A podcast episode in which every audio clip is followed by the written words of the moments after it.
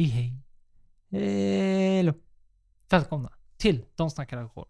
Podcasten där vi pratar alkoholnyheter och relaterade ämnen till alkoholhaltiga drycker. Hej hej. Det är ju som, vi, som det brukar vara. Det är kul om vi helt plötsligt skulle säga att vi pratar om något annat. Aliens eller någonting. Ja, de snackar, De snackar aliens. de snackar foliehatt. Eller något. Dylikt. Foliehatt och jordenblatt. Hur är läget? Det är bra, tycker jag.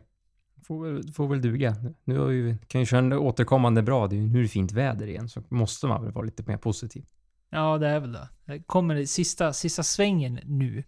Så man kan sätta sig ute. Och det här är, var ju ändå bra när vi väl pratade om uteserveringar. Den klassiska svenska uteserveringen. Nu får man passa på banne mig. Helgen som kommer. Ja, absolut. Nu, det kan ju vara sista chansen i i alla fall lite fint väder. Så kan det vara ni som lyssnar här på fredag efter jobbet. Pausa. Är det fint väder? Pausa. Gå ut, sätt dig på en uteservering. Och så lyssnar du på det här i någon annan dag. typ söndagen eller någonting. Passa på nu för fan. Absolut. Hur är det med dig då? Jo tack, det är bra. Det är bra. Det är, klaga ska man inte göra, som man brukar säga. Och så. Har du druckit något gott då? Jag gjorde en BK. På? En Bunna Haven en grej eller vad den heter. Den travel retailen. Den som skulle ha med oss när vi åkte båt. Jag upptäckte att det var typ en dram kvar. BK i det här sammanhanget är ju inte Burger King, utan det är ju Bottle Kill. Jajamän. Alltså att man tar slut på en flaska. Det är inte så ofta det händer hemma hos mig. Nej, du är ju en sån där som eh, inte Hårdare. gör det. jag är ju helt tvärtom då. då. Så, Ja, så att Men- nej, en sån blev det och sen blev det en Lafroig 10 år i Sherry Cask. Och sen drack jag något mer som inte jag kommer ihåg just nu. Det var inget speciellt, men det ja, lite gott. Enkelt, inget, inget speciellt i helgen. Tog det lugnt så att då passade jag på att dricka lite god whisky och en GT. ja, ja, ja. Du då? Det dög väl. Jo, jag har väl inte gjort någon, druckit någon sån där jätte... Jag var till huvudstaden och drack väl inget sådär jättespeciellt. Det blev det vanliga tapperiet med det umgänget jag var med. Och snackade skit och hade det gött och då blir det någon, någon Brooklyn Lager hit och någon, någon IPA dit och någon sån där som jag inte kommer ihåg vilken typ av IPA det är. Men ni vet den här tapparna där det står IPA med en sån här ganska tjock font. Det står bara IPA på. Jag vet inte vilka som gör den ens. Men det är en sån här, visst det funkar, typ av öl. Snäppet bättre än en stor stark i varje fall. Ja, absolut. Så det var inte så jättespeciellt där heller faktiskt. Ja, Lagom. tråkigt. Får vi ändra på. Fan, vi måste gå hårt in i helgen då. Men vi drar väl upp nivån lite nu när vi sitter här ikväll. Vi dricker ju en ganska exklusiv dryck just nu. Nej, absolut. Och det är ju inte vilken dryck som helst, utan det är en Madeira. Madeira. Eller Madeira. Eller alltså jag tycker folk säger olika. Men för att ha dragit på den här så nu ska jag dra upp volymen som fan på datorn så, så, så lyssnarna hör. Madeira. Madeira. Madeira. Det betyder trä, så jag vet inte.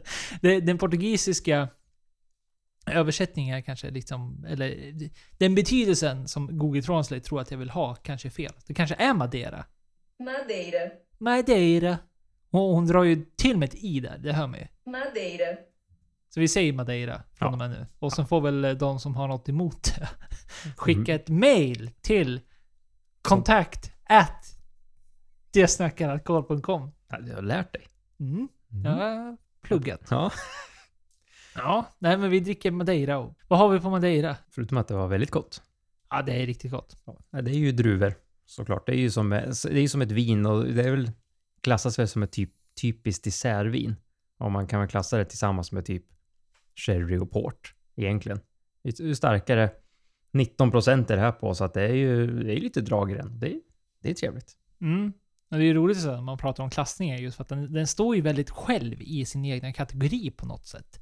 Den har visst, oftast så kanske den associeras som att den har någon typ av söt, sötare smak så att det oftast går ihop bra med typ desserter eller dessertvin per i sin definition. Men spektrat med Madeira är ju jättestort. Så att det behöver ju nödvändigtvis inte vara sött utan det kan även innehålla väldigt mycket syra Och noter som du vanligtvis kanske inte får av ett dessertvin om man då jämför mot eh, sherry i det här fallet. Då. Men framförallt om man tar skillnaden mellan en Pedro Jiménez som är sirapig och liksom nästan tjock i sin konsistens. Så kan ju Madeira vara åt det hållet samtidigt som att den kan ha den här syrliga som det inte alls påminner. Som kan vara gott till en fiskrätt eller ja, egentligen vad som helst. Ja, den, den påminner ju lite om eh, Oloroson. Vi har ju testat druckit både PX och Oloroso bredvid varandra och ja, PXen är ju tjock, sirap i medan den andra Oloroson är ju mycket trevligare. Och den här påminner lite om den tycker jag. Nu var det ju ett tag sedan vi drack den, men eh, ändå en liten påminnelse. Ja, och den vi dricker nu är Santa Lucia. Den är ju söt, den här. Ja, ja. Det är absolut inte den här syrliga varianten som jag pratade om som man kan få i Madeira, men just den här är söt. Och det står ju till och med på den. Sweet Madeira står det. Madeira för, för övrigt, är portugisiskt. Ligger ju på en ö ute i Atlanten. Nästan, det- alltså det är ju mer Afrikas kust än vad det Ja, är det är Portugals en kust. vulkanö. men- Ja, säger gammal koloni. Och det är väl det som är kul med den här drycken tycker jag. För den har ju väldigt sån här djup historiskt liksom intryck inom dryckeshistorien. Rent att det, det, det, man kom på det här på ren på uppstuds. Som säkert alla vet där ute så var ju Portugal koloniserade jättemycket. Åkte runt i ja, stora delar av världen. Och då, efter man upptäckte den här ön då, Madeiraön, så bryter man in på det här och sen skeppar man bara in det. In i tunnor, in på fartygen och sen skulle det ut. Och det fick ju då stå emot alla typer av element som det gör. Alltså vind och vatten och långa tider oxidering som bara den och, och så vidare. Och så råkar man hit, inse att oj, vad bra det här blev. När det fick bara ligga och skvalpa där det liksom grundtanken var att man skulle exportera vinet från Portugal till sina kolonier. Så blev det så här. Det är en kul, kul dryckeshistoria när det, saker och ting bara upptäcks av ren händelse. Det är det absolut. Och den höga alkoholhalten gör ju också att lagringspotentialen är ju otrolig på sånt här vin. Jag vet inte vad de säger att uh, hur många år det är, men det är ju extremt många. Och det är ju lite som man säger, sherry och port håller ju länge. Att du ska egentligen köpa ett gäng nu och öppna med, du kan ju nästan öppna det med fem eller tio års mellanrum. Och de är ju inte så dyra. Och det här är ju dessutom en eh, halvflaska, eller vad man ska säga. Det är ju 375. Så att det är ju en liten, håller länge i lagring oöppnad och håller ju väldigt länge i kylskåp, över ett år om den lagras bra i kylskåp. Så du kan ju liksom öppna och dricka lite och ha, återkomma till den här lite grann. Och det är ju som sagt en väldigt, väldigt trevlig dryck det här. Den görs på ett väldigt speciellt sätt som vi inte ska uttråka er av. Är ni mer intresserade av det här, ut och läsa om det själva, så kommer inte vi sitta och nörda ner oss alldeles för mycket. Men det har en speciell process som kallas för fortifiering på svenska. Eh, som då har en väldigt speciell, ja men väldigt speciell process. Som man jämför mot normala viner som kanske är eh, mer ömtåliga. Alltså det blir vinäger med tiden om du, det lagras för länge eller fel eller vad det nu kan vara. Så Madeira är nästan tvärtom. Alltså det, det kan ligga hur länge som helst. Man, de har ju hittat vrak och gamla laster från 100 plus år som har legat på havsbotten hur länge som helst. Som har varit helt okej. För, för att det är så tåligt vin just för att det oxideras och det gör egentligen om man då ska tänka på det, det man försöker inte göra med vanligt vin och man försöker hålla det ifrån elementen och man försöker eh, hålla det ifrån oxidering och allt vad det gör så är det precis det man gör med Madeira. Så det är helt tvärtom och stå sig helt själv inom vinklassen som en speciellt gott, trevligt vin. Vi startar denna afton, detta avsnitt, denna fredag med, som du kanske märkte när du klev in efter jobbet, hård vecka, du vill slappna av lite, gå in, köpa Madeira kanske. Vem vet? Vem vet? Mycket gott. Du kommer till kassan, du känner i fickorna, du har ingen tygpåse. Du har ingen framtid höll jag på att säga. det är det man försöker säga. Men du märker att plastpåsarna är slut. Va? Vad är det för skämt? Och det är därför att de säljs inte längre. Nej, Systembolaget tar bort den, eh, vad säger man, trotjänade påsen efter 56 år. Så den har varit länge den här lilla påsen. Det har ju varit lite olika utföranden. Den har varit lila Ja, fan vad Ja. ikoniskt den lila Systembolagspåsen var ändå. Jag tror jag har någon sån här ligger i bilen fortfarande. Eh, någon- De har ju hört massa sådana här när folk som varit utbytesstudenter eller turister eller vad det nu kan vara och alla går runt och. Bara, Fan, alla går runt med lila påsar på helgerna. Eller helgerna, ja fredag och lördag. Torsdag, fredag, lördag. Så- Lördag klockan måndag, tisdag. max klockan tre.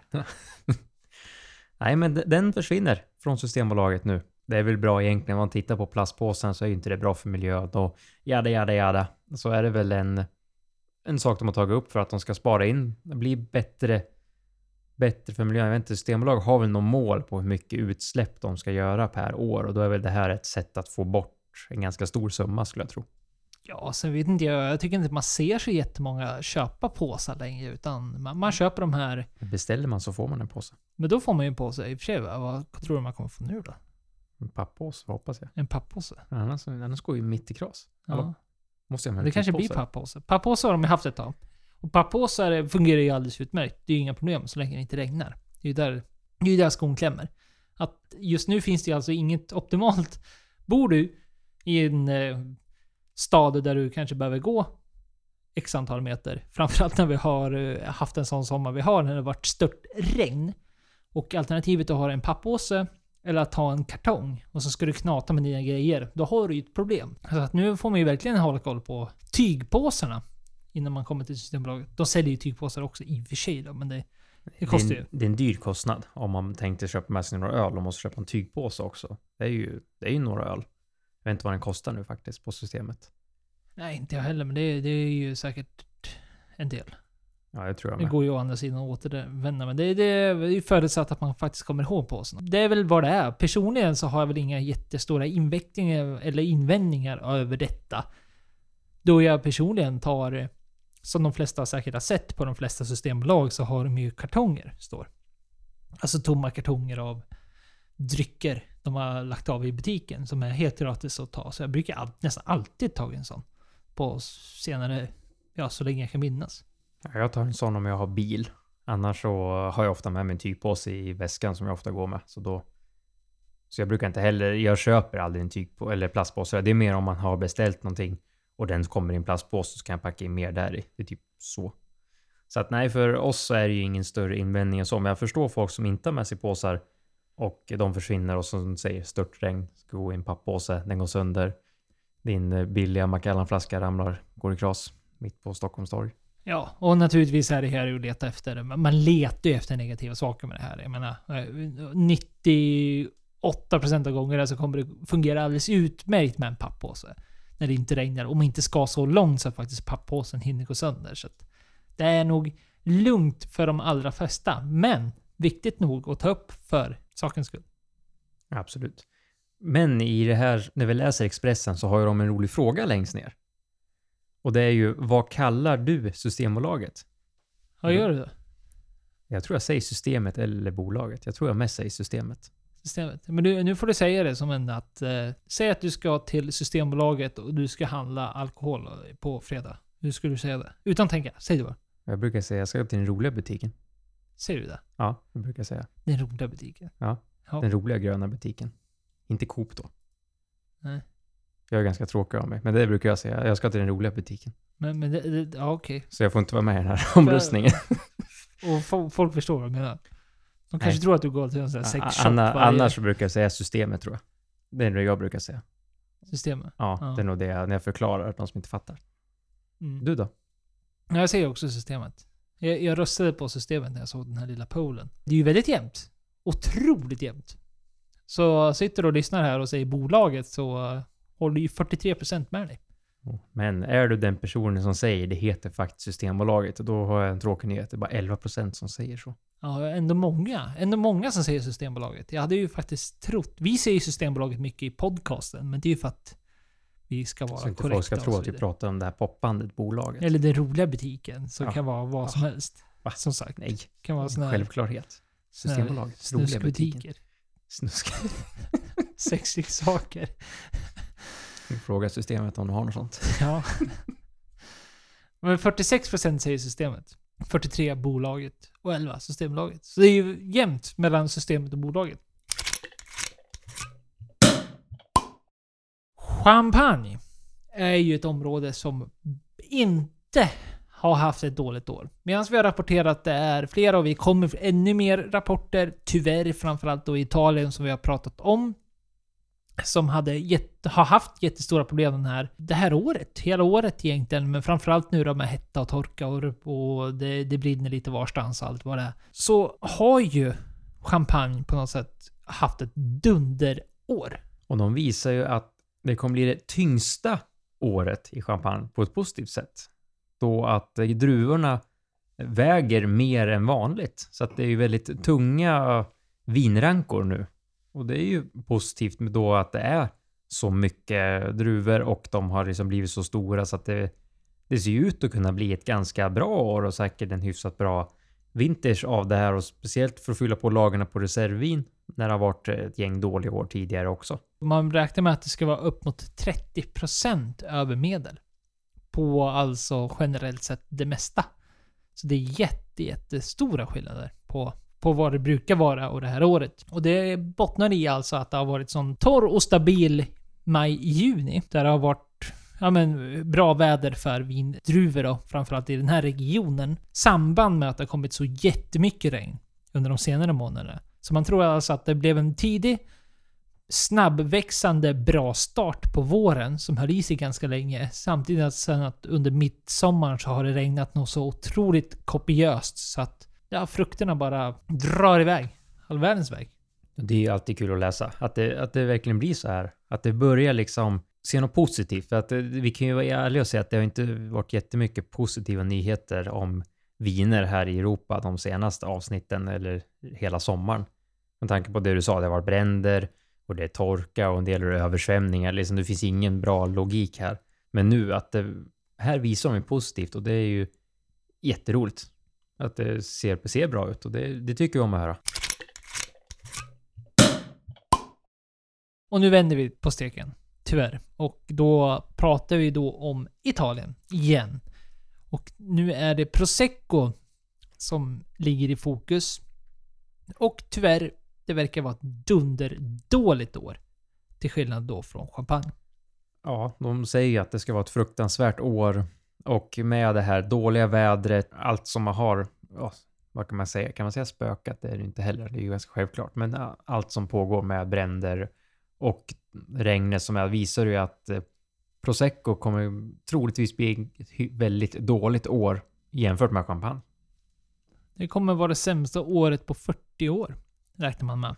Och det här bottnar då återigen i hettan, men till skillnad då från, eh, från Frankrike så har regnet inte kommit på, i samma mängd och i samma takt på ett positivt sätt i eh, Italien. Eh, för Prosecco, då har det gått åt helvete. Då har antingen blivit att den här värmen har gjort att, att det har torkat ut, eller så har regnet som har kommit, kommit alldeles för fort i för högt tempo så att det har blivit floder istället. Det är ju jättetråkigt att läsa överhuvudtaget och det är ju tyvärr en trend på det här året känns som i alla fall. I alla fall det vi rapporterar och eh, kollar upp. Det är ju också så här, vad kommer hända med Prosecco nu med tanke på att det är väl ändå en av de mest sålda mousserande dryckerna i alla fall i England och typ Sverige. Det är ju det och det är ju många där ute som har det som en, som en bubbelfavorit då när vi pratar bubbel och inte pratar något specifikt typ av bubbel. Utan bubbel i red allmänhet så är det många som tänker på just Prosecco. Ja, Det ska bli intressant att se eh, hur de klarar sig och hur, hur det kommer se ut här framöver med tanke på att Prosecco inte har samma eh, lagrings lagringspotential, eller vad säger jag, inte potential, lagringsregler om du gör en vanlig Prosecco som på typ till exempel en champagne eller om du kör champagnemetoden. Vilket då gör att det kanske inte är lika mycket reservviner som ligger här som du då gör på de vinerna som görs på champagnemetoden. Så att eh, får se om det blir några brister här till nästa år kanske. Det kan nog bli och så får man hoppas att det här kanske blir någonting som konsumenten, jag tror det kommer bli bra, men det här kommer ju givetvis resultera i att man måste öka priserna ifall mängden av faktisk produkt kommer ut bland hyllorna. Så kommer säkert en prislapp öka och det kanske kommer skrämma iväg den här vardagliga konsumenten som då vill ha bubbel och då siktar sig mot, mot prosecco. Så då kanske den människan väljer att byta sitt bubbel mot en kava eller dylikt. Och då kanske det gör det att man slutar köpa prosecco överhuvudtaget. Bara, även om nästa år kanske skulle vara ett dunderår för prosecco och det skulle komma tillbaka och priserna skulle droppa lite och så vidare så kanske man redan har bestämt sig att nej, men nu har man en ny favorit. Och, vem vet, det kanske är att spek- överspekulera i detta. Cable Town Whiskey Distillery. Öppnar mer whiskydestillerier i Campbelltown. Vi pratade ju om det här i typ maj. Och då var det ju då att någon hade lämnat in bygglov var det väl? Mm. För det här destilleriet. Och planerna och ritningarna och allting sånt var klara, inskickade. Och man bara satt och rullade tummarna och rapporterna då var ju att det var ju i stort sett klart. Att det här skulle gå i hamn. Nu är det klart. Helt klart alltså. Klart, klart, klart. Så nu kommer det ett nytt whiskydestilleri i Campbelltown. Nytt och nytt. Ja, det kommer ju ta några år eftersom destilleriet finns inte ens. Utan det är ju fortfarande ritningar och de har fått klart bygglovet. Så att de ska bygga det här, börja köpa in tunnor, börja brygga sin sprit. Och jag vet ju inte om de har eh, listat ut sin new make än eller om det liksom är på gång eller om de gör det som det kommer när de väl kommer dit. Nej, precis. Och eh, det ser ju ut som att de inte ens ska börja bygga så Witchburn Distillery förrän... Nej, production står det. De räknar till och med produktion i slutet, den sista kvartalet 2024. Så det är alltså ett år. Om ett år. Nästan exakt. Ja, precis. Och det, det är ju kul. Det är Räknar man med, så får man ju räkna med att de, de tänker fel ett år. Ja, det, så kommer det bli. Det kommer krångla och eh, har man koll på byggbranschen just nu, i alla fall i Sverige, så går det väl eh, inte så jättebra. Så att det är att se hur mycket stopp det blir och hur, hur det kommer se ut. Men de har ju beräknat på 2 miljoner liter alkohol per år. Och det är ju det är inte supermycket om man jämför med en del andra destillerier, men det är ju ändå bra produktion. Verkligen. Och i Cabletown som vi har pratat om så många gånger tidigare är ju ett sånt där gammalt... Ett gammalt eh, område i, i Skottland som har haft jättemånga destillerier historiskt och det var en hel stad som präglades av sin whiskyproduktion. Och man räknar med att det kommer dra in ungefär 30 jobb detta. Så att det kanske ökar den här lilla stadens och den här lilla gemenskapen och eh, whiskyhistorien så kommer det litvis i alla fall lite närmre. Ja, med tanke på att Campbelltown var väl typ den största whiskyregionen förr innan eh, det dog ut på grund av att de flyttade och ombyggde järnvägar och allt. Allt det här ny, nymoderniserade. Att det är kul att det, får, att det öppnar mer och blir mer saker. Det är ju ändå en region som är eftertraktad av whiskyentusiaster med de få whiskydestillerier som faktiskt finns där. Ja, jag tror det här kommer ju nog bli jättebra. Sen måste de ju ha kvalitet som, som bär det namnet också. Men till marknadsföring kommer ju sköta sig själv nu till en början. Just av den anledningen du säger. Att det är ju så högt betraktat för den kvaliteten som idag existerar vid Cabletown. Så har du bara Cabletown på, på din whiskyflaska så absolut bland, bland entusiaster och whiskykännare så kommer det komma långt bara med det. Så vi får väl se om de lyckas bära upp namnet med, med sina grannar där borta. En tråkig nyhet. Och den tråkiga nyheten är någonting som har präglats runt på eh, vi som tittar och letar efter nyheter inom alkoholhaltiga drycker och så vidare. Så är det här en nyhet som har nästan ploppat upp i varenda media man har varit ute och kollat på. Och det är ju då att de har haft en studie som då har gått igenom och kollat just hur kvinnor har det inom alkoholhaltiga drycker. Och generellt sett så har ju fokuset varit på whisky. Även om det har varit så som jag förstått det inom vissa typer av segment där det kanske har mer med administrativa typ marknadsföring och sånt där inom företag så är det whiskyn som har varit främst. De som har hållit koll på det här och till exempel från något år sedan när Jim Murray som då skrev, eh, vad heter den, The Whiskey Bible. Jim Murrays Whiskey Bible, ja, något sånt där. Han blev ju totalt bortkastad och utkastad ur industrin på grund av hans sexistiska ord han skriver i sina böcker som då nu inte ges ut längre på grund av att han tappar allting. Och det är ju bara positivt och något som beter sig så här. Och det är ju tyvärr flera som rapporterar som jobbar inom den här branschen och som säger är det folk som jobbar på destilleriet? Är det master distiller? Är det någon som bara jobbar administrativt? Så är det väldigt många kvinnor då som har fått ja, blivit trakasserade av eh, olika män. 70% säger att de har blivit det någon gång. Då är det alltså 33% menar att man har då blivit sexuellt trakasserad rent fysiskt på jobbet. 44% som säger av kulturella skäl. Alltså då att whisky skulle vara någon typ av manlig dryck och associerad med män och då fått tagit, ja men skämt och tråkiga kommentarer. Ja, det är ju bara töntigt. Helt ärligt. Det är alltså, vem som beter sig så här, det är ju bara väx upp. Det här är ju liksom, det är en dryck som får folk att komma tillsammans och njuta och prata. Det är ju liksom, det spelar ingen roll vad man är för sorts person på så sätt. Så det är, det är en jättetråkig nyhet. Och det är ju egentligen ingen nyhet för det här har hållit på väldigt länge. Och det är väldigt många som har tagit upp det här flera gånger om och om igen.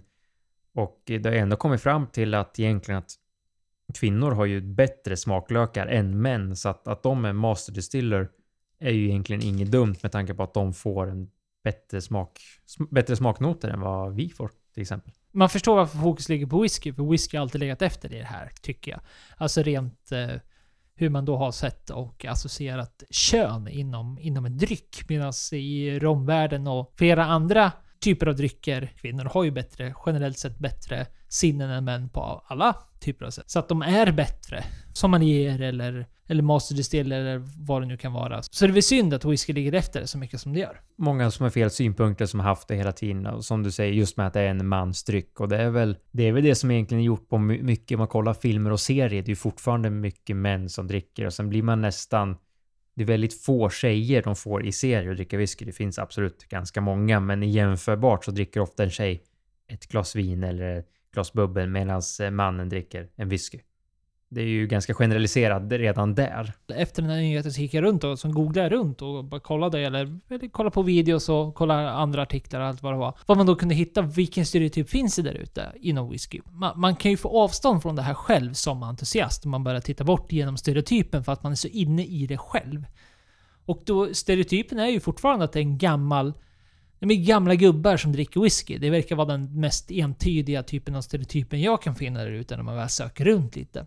Nu får man ju hoppas med den här studien som har kommit ut med de tråkiga nyheterna är ju att eftersom det här belyser i nästan i stort sett varenda media och mycket kommer säkert cirkuleras runt det här. Vi nämner det nu för att jag tycker det måste man ju göra. Att förhoppningsvis så kan det här leda till att det sker någon typ av stor förändring där ute. Så att kvinnor inom branschen som väl har tagit sig in i branschen och är med i branschen slipper ja, framförallt de fysiska trakasserierna, men även skämt och eh, sådana tråkiga verbala trakasserier.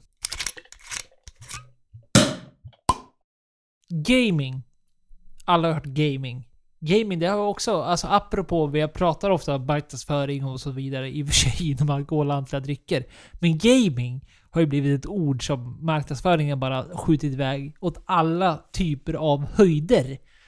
Det har blivit en norm. Det är inte, det är inte stereotyperna, associationen med nördar som sitter och spelar dator hela dagarna, utan gaming har ju blivit någonting som alla, alla ungdomar och alla barn gör nu för tiden. Ja, lite så. Men något de inte gör, det är att dricka öl. Det är bra. Ja, det är ju bra det. Men det kommer att ändras när de blir äldre. Ja, 18 plus ungar. 18 plus. Lyssna inte på oss. Nej. Först du är 18 plus. Men Heineken släpper en dator som eh, inkluderar en ölkyl. Det är alltså ett datorchassi där... Eller en färdigbyggd dator är det ju. Men delet av datorchassin är alltså en kyl. Där det står Heineken stort på. Ja, den är, den är ju bra. Vi ska använda det som en avsnittsbild har vi redan sagt. Så att ni kan, Har ni inte sett det så kan ni gå in på antingen vår Facebook eller Instagram. Det snackar alkohol på båda två så får ni se hur den här ser ut. Och det ser alltså ut som en, en gigantisk dator som även är ett kylskåp. Det är ju... Man, man fattar, men den är snygg alltså. Ja, den är snygg. Ja, det är till och med så en annan behöver köpa en stationär dator. Ja, verkligen. Det ja, Mm. ser bra ut. Vi kanske behöver, behöver ett kontor. Ja, då behöver vi en sån här dator. Ja, för fan. Fan. Sitta Livsfarligt. editeringskontoret. Sitter med... Måste fylla på. Vi har ju redan gjort, för de som inte har lyssnat på vårt eh, gräsklipparöl-avsnitt, så upptäckte vi ju hur mycket en eh, platta Heineken kostade och då är det inte så dyrt att fylla på den här kylen hela tiden. Ja, verkligen. livsfarligt köpa- Ja, livsfarligt. Och gräsklipparölen har och gibba lite efter det. Men eh, hela den här lanseringen sker i eh, Brasilien och Brasilien har ju varit ett av länderna som har varit i framkant när det kommer till framförallt e-sport och har väl tagit an e-sport bättre än vad många andra länder har gjort. Heineken ligger ju där framme i framkant när det kommer till marknadsföring. Och det här är bara ett, en bevis på det. Och ska då ha partnerat med Ghouls som då är en av eh, Brasiliens top Twitch-streamers och är väl även en CS, Counter-Strike caster på portugisiska. Där borta i Brasilien. Så att vi får väl se. Det kanske är någonting som kommer till Sverige. Jag tror det. Vi vet inte riktigt, men det skulle vara väldigt kul. Jag tror att det här är en gimmick som säljer ändå. Visst, det är säkert ingen prostat. Jag är ju absolut ingen gamer. Jag spelar ju knappt någonting. Jag har spelat ett tv-spel ibland. Men eh, det beror på vad det är för dator bakom där. Är det en bra dator, alltså så här att den i grunden är bra, sen är det en kyl framför. Det är ju bara halva grejen. Men eh, jag blir ju sugen på att köpa en. Om man säger så. USA håller på att USA sig med avsnittet fredagens sista, helgens, kanske sista. Nej, vad fan skitsamma. Du lyssnar på den någon dag. det är att de har gjort en öl. En Conservative Dads Ultra Right. 100% woke free American beer. Ja, det är ju Det är så amerikanskt det kan löjligt. bli. Ja. Det är alltså en... Tänk er en ölburk som är gjord som USAs flagga. Och sen står det Conservative Dads Ultra Right 100% woke free American beer. Oh, alltså det, är, det är så töntigt så det bara kan bli. Helt Ja, verkligen. Och eh, bakgrunden till det, det. Det här säger väl någonting i och för sig vilka tider vi lever Inte vi, men det, det är ju så återigen, nu kan vi ta någon sån här och så kan vi sitta och skratta åt amerikanerna. För lite så är det. Det är jättepolariserat där borta. Det är väl ingen som har missat det, framförallt nu när Trump och det är, det är presidentval snart igen och det är allt vad det är och hej och hå. Och det här är väl en med sign of the times där borta i USA, hur, hur fånigt det har blivit när man kan göra sådana här saker som säkert säljer. För att folk faktiskt ser någon typ av värdering i detta. Och bara vara 100% work free. Ultra right. Äh, det är så töntigt det bara kan bli, helt ärligt. Så ju man läser blir man... Jag vet inte om man ska skratta, gråta eller liksom tro att det är någon så här parodifilm. För det är ju Donald Trumps eh, förra vad heter det, kamp, kampanjmanager som eh, har gjort en så här collaboration med Bud Light. Så Bud Light är ju också, kan vi diskutera ett helt avsnitt om.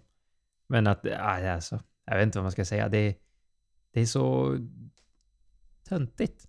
Ja, det är 100% marknadsföring. De kommer ju säkert tjäna bra pengar på det här. För en sexpack kommer kosta 2, 20 dollar. Vad blir det? Ja, svenska kronor åt helvete nu i och för sig då, men. Ja, det är säkert 220-230. Någonstans. Men även 20 dollar är väl jättemycket för ett sexpack öl? Ja, speciellt med den här skitölen. Ja, den är 4,8%. Den kommer inte smaka någonting säkert. Det en vanlig... Det står 4% på burken. Inge, inge käbbel. Kommer det ju säkert vara. 33 er. Ja, nej men. Nu kan du sitta gott och garva lite åt USA. Ja, det här kommer inte komma till Sverige. Avsnittets ämne. Matkravet. Det är ett tungt ämne om man ska diskutera det och speciellt tror jag många restauranger, pubbar, krogar och, och liknande ställen har, har det här som ligger som en tyngd över sig, tror jag. Så är det. Och matkravet är ju alltså det man kallar ju, det är väl ett vardagligt snack för vad som egentligen är ett serveringstillstånd. Och serveringstillstånd innebär då att det är krav på mat och kök. Där du ska servera alkoholhaltiga drycker. Och det är ju ganska många krav och vi tänker ju inte gå igenom hela fullt och punkt och pricka för det är ju bara tråkigt att lyssna på. Det är ju som att lyssna på en tråkig föreläsare. Så att eh, vill man nörda ner sig själv kan man bara googla på det här och få fram bra. Men vi, vi tar upp en del saker. Och det är till exempel att serveringsstället måste ha ett eget kök som gör att de kan bjuda på olika sorters maträtter. Och att köksutrustningen måste vara en standard för ett restaurangkök. Och det måste finnas i anslutning till servicelokalen. Och det är ju också ett alltså, krav som man kan tycka ibland att ja, men finns det ett kök längre ner Och sen har vi tillstånd här vid nere vid vattnet för det är mycket finare. Så kanske de säger app, app, nej. Så det är ju också ett sätt. Du måste ha flera maträtter. Du måste kunna sitta vid ett bord. Och du måste ha bra nivå, nivå på servicen som ska hållas på en restaurang. Även fast du kanske inte är en restaurang. Och serveringsytan är överblickbar. Som jag tycker låter som ett väldigt eh, på icon. ord. Och sen ska den även vara lämplig för brandsäkerhetssynpunkt och det är väl eh, egentligen det som är absolut viktigast. Självklart så- så kan du inte man går ner i en bunker där det finns en dörr ut och det finns inga fönster och så börjar det brinna där. Så att den kan man väl ändå köpa. Men det är ju ganska hårda krav på de som vill öppna upp en pub för att servera lite god öl med att du har liksom de här kraven som hänger över dig också. Verkligen. Och det här är någonting som man då ansöker av kommunen. Så det är kommunen i slutändan som får då antingen godta eller så får de fria eller fälla. Och det är även kommunen som kan komma på inspektioner och se efter att de här kraven fylls. Och de här kraven är kanske någonting man kanske ja, men tycker att, ja men är det verkligen så här? För att man har varit på ställen och alltså det här gäller överallt. Alltså det är även nattklubbar. Så som jag får fram det. Men skillnaden är att fram till 23.00 så gäller det här. Efter 23.00 så får du ha lättare maträtter. Alltså att du behöver inte ha lika stort, stor variation av maträtter. Och de ger ett exempel av Folkhälsomyndigheten. Att du kan ha mat som då kan slängas in i mikro. Och det är fullt godkänt efter klockan 23.00. Så att nattklubbar kommer inte undan detta. Men det ringer ju ändå en klocka att man kanske, aha, det är kanske är därför många nattklubbar avsiktligt öppnar just 23.00. Vilket de faktiskt oftast gör i större städer.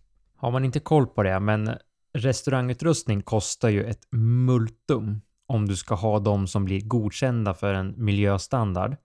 Och visst, det här är jättetråkigt att eh, prata om, men det är ju ändå, man vet ju själv, går man in på restaurang och ser att köket är smutsigt och det är, finns inga grejer som lagar bra och inget är städat, då vill du ju inte vara där. Så att det är ju en ganska hög krav från första början på att du ska ha rätt, rätt system och rätt utrustning för att kunna laga den maten som då krävs för att servera innan klockan 23. Och kan du komma undan med att öppna 23 och slippa ha den stora, det kanske räcker med ett litet, kanske till och med räcker med ett trinettkök med någon mikro, en ugn och någon liten platta.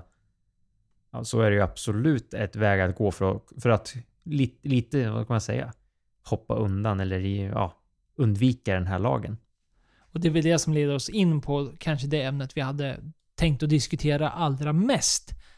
Är ju just hur bestritt det här har blivit av just den anledningen att ha ett kök. Av då, det kan vara sådana saker som du säger, det kan vara den ekonomiska faktorn. Men det kan ju även vara en ren platsfaktor. Att det begränsar ju vilka ytor du faktiskt kan ha en pub och bar. Du kan inte ha något sådär litet mysigt ställe som man kanske ser ofta utomlands och sådär när du bara drar ner och det är egentligen bara några stolar. Och så framförallt är det ju populärt i Japan med sådana ställen där det egentligen bara får plats med ja, inte ens 10 pers ibland. Och det är själva skärmen att man går in på ett sånt ställe, tar en öl eller vin eller sake eller vad det nu kan vara. Och så hoppar du iväg till nästa. Att sånt, alla sådana möjligheter försvinner ju rakt ut genom fönstret här i Sverige på grund av detta. Det är ju ett stort krav som då krävs på våra, vår kära restaurangbransch. Man vet ju själv med många som går som entusiast så går det ju mellan ställen och du kan ju beställa mat överallt. Men det här att, att någon eldsjäl vill öppna liksom, jag vill öppna en bar med mycket öl till exempel och bra utbud på drinkar och sprit. Men att du måste ha den här restaurangen också för att du ens ska kunna göra det. Vilket då att du måste lägga mycket pengar på det för att sen kunna köpa in allt annat. Det är ju en stor, stor investering på något du kanske inte brinner lika mycket för. Och sen att du måste ha ett varierat utbud. Man kan ju tycka att ja, men jag kör en pubmeny. Jag är ju ofta typ burgare, fish and chips och typ en sallad. Och det borde ju egentligen räcka. Du ska inte ha så mycket större. Jag tycker inte att jag som person, alltså min åsikt är ju att jag bryr mig inte så jättemycket om det inte är en, det behöver inte vara en tresidig meny på en pub allt det här och varför det här är så svårt. Det finns ju flera motioner som har tagits fram i riksdagen och det finns ju oändligt med många debatter där ute som har diskuterat det här fram och tillbaka. Hej och hå, att det här ska läggas ner. Och tyvärr så ser det inte ut som att vi har kommit så mycket närmre. Det pratas hela tiden och det här har gjort alltså, jag, man, man kan hitta ganska bra dokumentation ända bakifrån så här tidigt 2010-tal. Där man haft en aktiv debatt om detta. Ifall man ska lägga ner det. Men det grundar sig i alkohollagen precis som allt annat när vi pratar om måttlighet och vi pratar om något annat som vi pratar om. Finns i tidigare avsnitt i varje fall att allting grundar i alkohollagen. Det här är en del av den. Och av det jag kan tyda så är det därför det här är tydligen är svårare än man kan tro. Men om vi lämnar det därhän så är det ju verkligen den debatten man vill ha. Att det är många som påstår, framförallt bryggerier, som idag har bryggeripubbar som vi vet är väldigt vanligt. Men de måste ju också förhålla sig till detta. Och det är många som påstår att istället för, när det är väl diskussion som den är het idag, om gårdsförsäljning, som vi också haft ett avsnitt om ifall du vill gå in och lyssna på det, är det ju just att det skulle göra mer, anser ju många, ifall man skulle slopa det här kravet, alltså serveringstillståndet, vilket då är krav på mat och kök. Skulle man slopa den så skulle det gynna småbryggerier och mindre producenter i Sverige mer än vad gårdsförsäljning skulle kunna göra. Det kan jag absolut tänka mig. Bara det här att du kan öppna upp det här, som säger taprooms eller gårdsbryggerier. Där du får servering av alkohol, men du behöver inte ha det här matkravet. Att du kan liksom ja, servera öl och komma dit. Och sen att visst, man skulle kunna ha en macka, en toast, alltså något simpelt så de kan värma i mikron eller något sånt där för att de ska ha någonting. Men att du inte behöver ha det här köket med massa annat för att då kunna servera. Kommer folk på besök så kan de sätta sig på puben. Du kan öppna en pub om du är i Göteborg som då är en väldigt stor stad med mycket öl.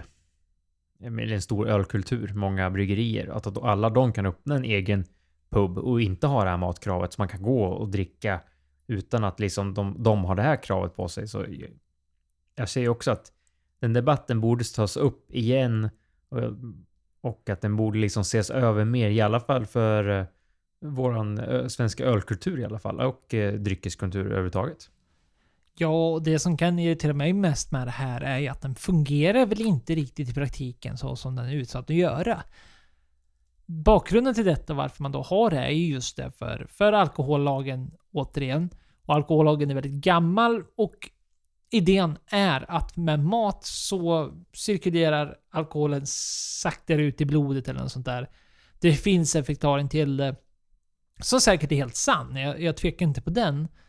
Men det jag menar är att det är väl väldigt, väldigt få ställen där ute som faktiskt följer det här till punkt och pricka.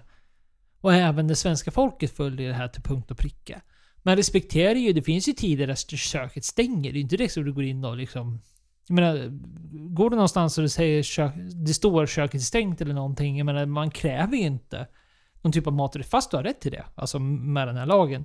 Nu hoppas jag inte att vi sätter massa ställen på, på tvären och, och kastar dem i skiten, men det är klart de har koll på det här. Men i och med att normen har blivit som den är där ute och det är ingen som kräver det här på mat och, och allt vad det är. Men medans, jag menar, jag gissar väl att ställen där ute, dels så handlar det här om att ha det här på plats när du väl ska ha serveringstillståndet.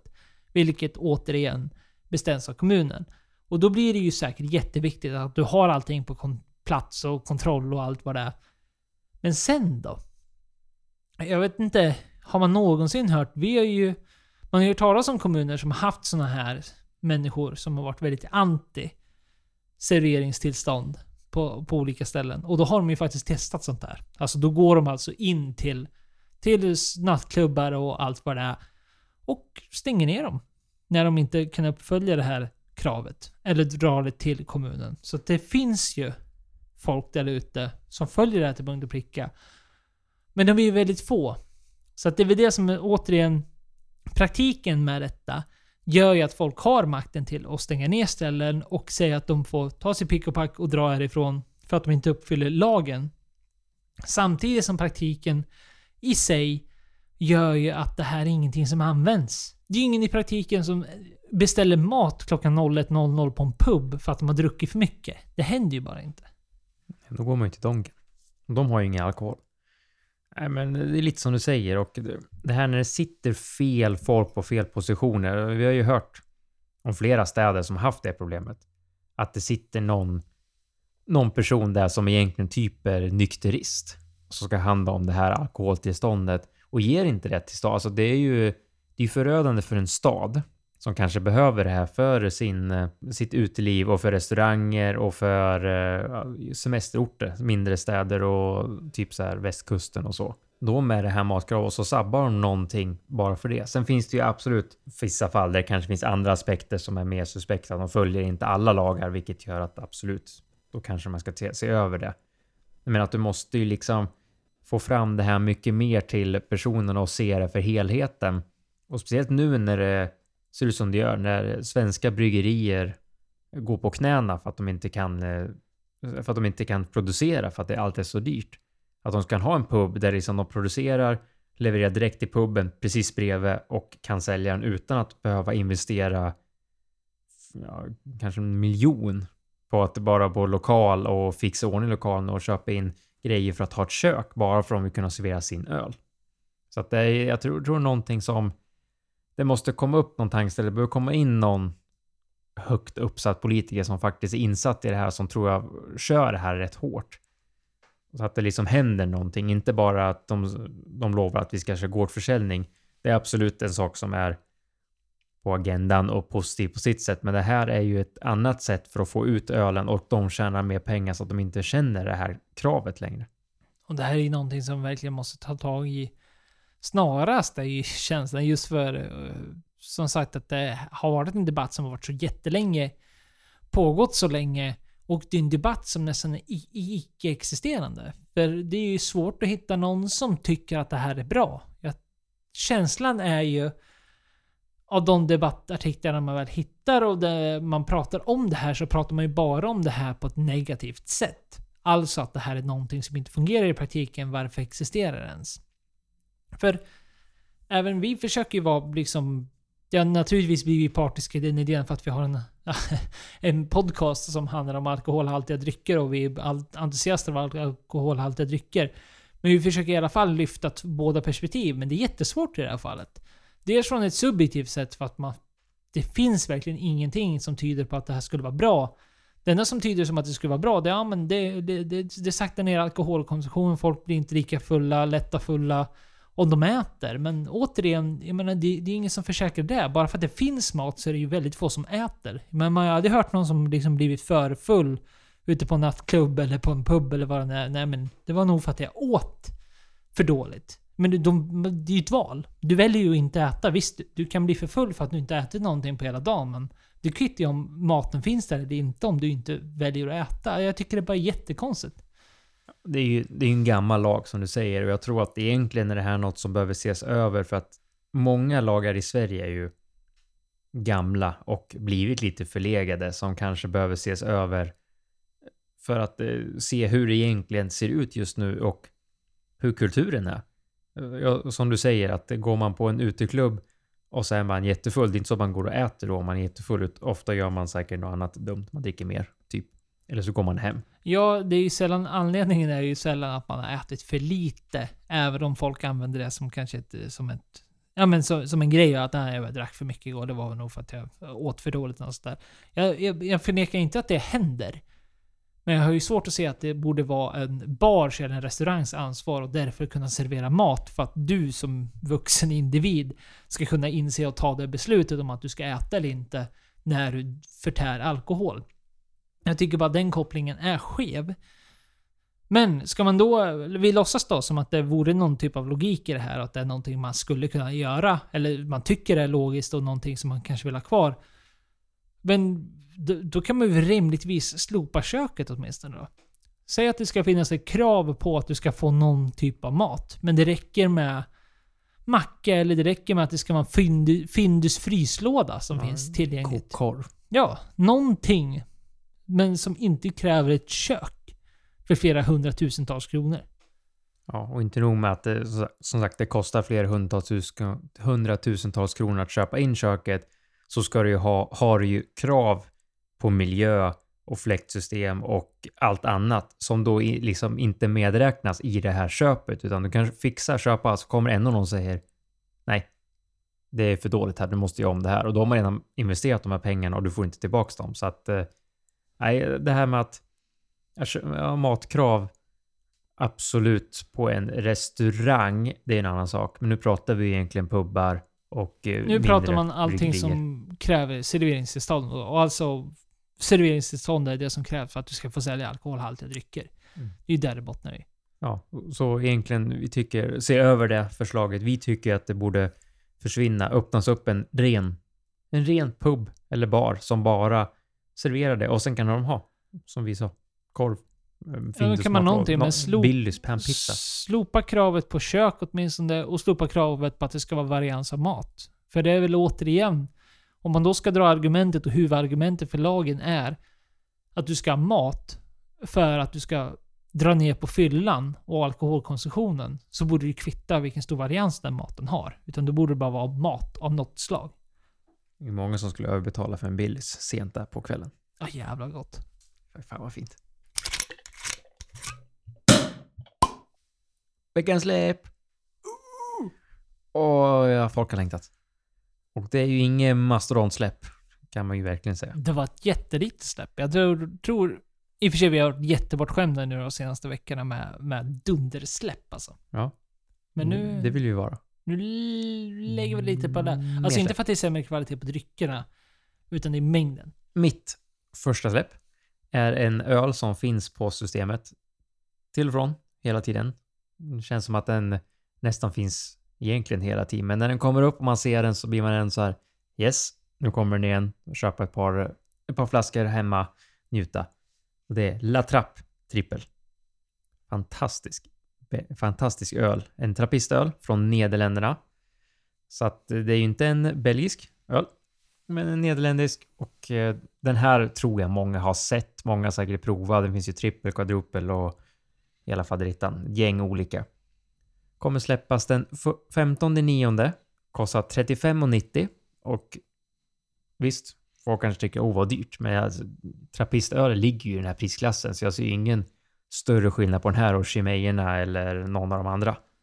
Nej, det håller ju hög kvalitet, så är det ju därför de kostar vad de kostar. Hantverk rakt igenom med oerhört bra kvalitet. det blir ju ett måste. Så den här kommer ju ofta upp på många systembolag, så tillfälligt sortiment. Då plockar man två, tre, fyra, fem flaskor. För att det är fantastisk öl att ha hemma. Ta någon gång ibland, ta fredag kväll när man kommer hem. Perfekt. 8% i 35,90 släpps 15 i nionde. Aldrig fel med en liten liten trapp. Jag har bara ett släpp. Detta veckans släpp. Och jag har valt att ta på Exton Park Reserve Blend. RB32 Brut. Det är alltså ett mousserande vin. Från England. Och vi har ju pratat om England och vi har pratat om deras jordmån och med klimatförändringar och allt vad det är så har man ju hittat att det är väldigt bra viner. Och Exton Park är väl på ungefär ett decennium i tio år. Och är väl en av giganterna idag. Som är välkända och etablerade i, i marknaden. Och ja men, det går väl inte riktigt att jämförelsevis med de här jättestora. Men de börjar väl sakta men säkert kämpa sig uppåt och få ett riktigt bra rykte. Och det här är ju deras standard standard. 399 kronor kostar den. Det är 750 milliliter flaska på 11,5%. Så det här är väl någonting man kan rekommendera som ändå håller hög medioker nivå av samma typ av dryck i samma typ av prisklass. Som ändå är värd och kul att prova. Ifall du är en bubbelälskare eller tycker om bubbel så kan det vara kul att prata eller prova. Exton Park Reserve Blend RB32 Brut. Säljstart den 15 i 9 399 kronor. Ja, det låter väldigt trevligt. Och de har ju fått ett stort högt sving. De här engelska mousserande vinerna. Så jag tror att det är något man ska hålla lite utkik på nu inför framtiden. Ligger i tiden. Absolut. Och mitt andra och sista släpp, också en som kommer fram och tillbaks hela tiden, olika vintages. Och det är en Chablis Premier Cru Valiance eh, med eh, Jean-Marc Brocard 2021. Jag tror jag har haft med någon liknande Chablis Premier Cru förut och jag tycker att fantastiskt vin. Det är, och för det här vinet kostar 349 kronor. Släpps den 15 nionde. Men eh, Chablis, rakt igenom, Bra. Passar svinbra till kebabtallrik, rulle, 100%. Stekt, falafel, stekt falafel. Och triple eh, cheese från Donken. en extra röd köttbit. Nej. Och så vidare. Nej, vara lite, vara lite ärliga så ska man säga att det är väl egentligen skaldjur och fiskrätter som det passar absolut bäst till och eh, det gör det. Och som socialt vin. absolut som social. Det Pangvin för socialt vin. Ja, det är ju hur gott som helst. Och med det menar jag alltså när man bara sitter och snackar skit. Då. Kanske ha någon korv eller ost. Ja, vi kanske får dricka ett chablis här i podden. Det har vi inte gjort än. Chablis. Chablis. Eller har vi gjort det? Ja. Jag tycker ju, om man dricker Chablis finns på systemet med Brocard och lite olika Petit Chablis. Goa. Lägg de här pengarna och testa ett Premier Cru. Det är ju inte så farligt, det är några hundra lappar till. Jag tycker att det är värt de pengarna. Så att absolut något att eh, hålla utkik efter och köpa. Man går inte total bankrutt för att köpa den. Som sagt, 349 kronor. Släpps den 15 i nionde och eh, ett bra köp. Och det var det. Alldeles. Tack för att du lyssnat på De snackar alkohol. Och du får gärna höra av dig till kontakt desnackaralkohol.com ifall du vill skicka ett mail. Vi finns även på sociala medier. Både på Instagram och Facebook med samma namn. Det snackar alkohol. Och vi tycker gärna om att ni hör av er om ni har några synpunkter eller funderingar eller allmänna klagomål. Och eh, tycker du att eh, det vi pratar om är intressant så får du gärna likea och eh, följa oss på sociala medier och även på våra podcastplattformar. Och ta en del av diskussionen. Är det någonting som triggar dig när du hör på oss diskutera idag så kom gärna med dina egna synpunkter. Häng med i diskussionen mot argumenten med det argument du väljer själv. Med det sagt så syns vi. Hörs vi. Vi syns inte, men vi hörs nästa Bye bye.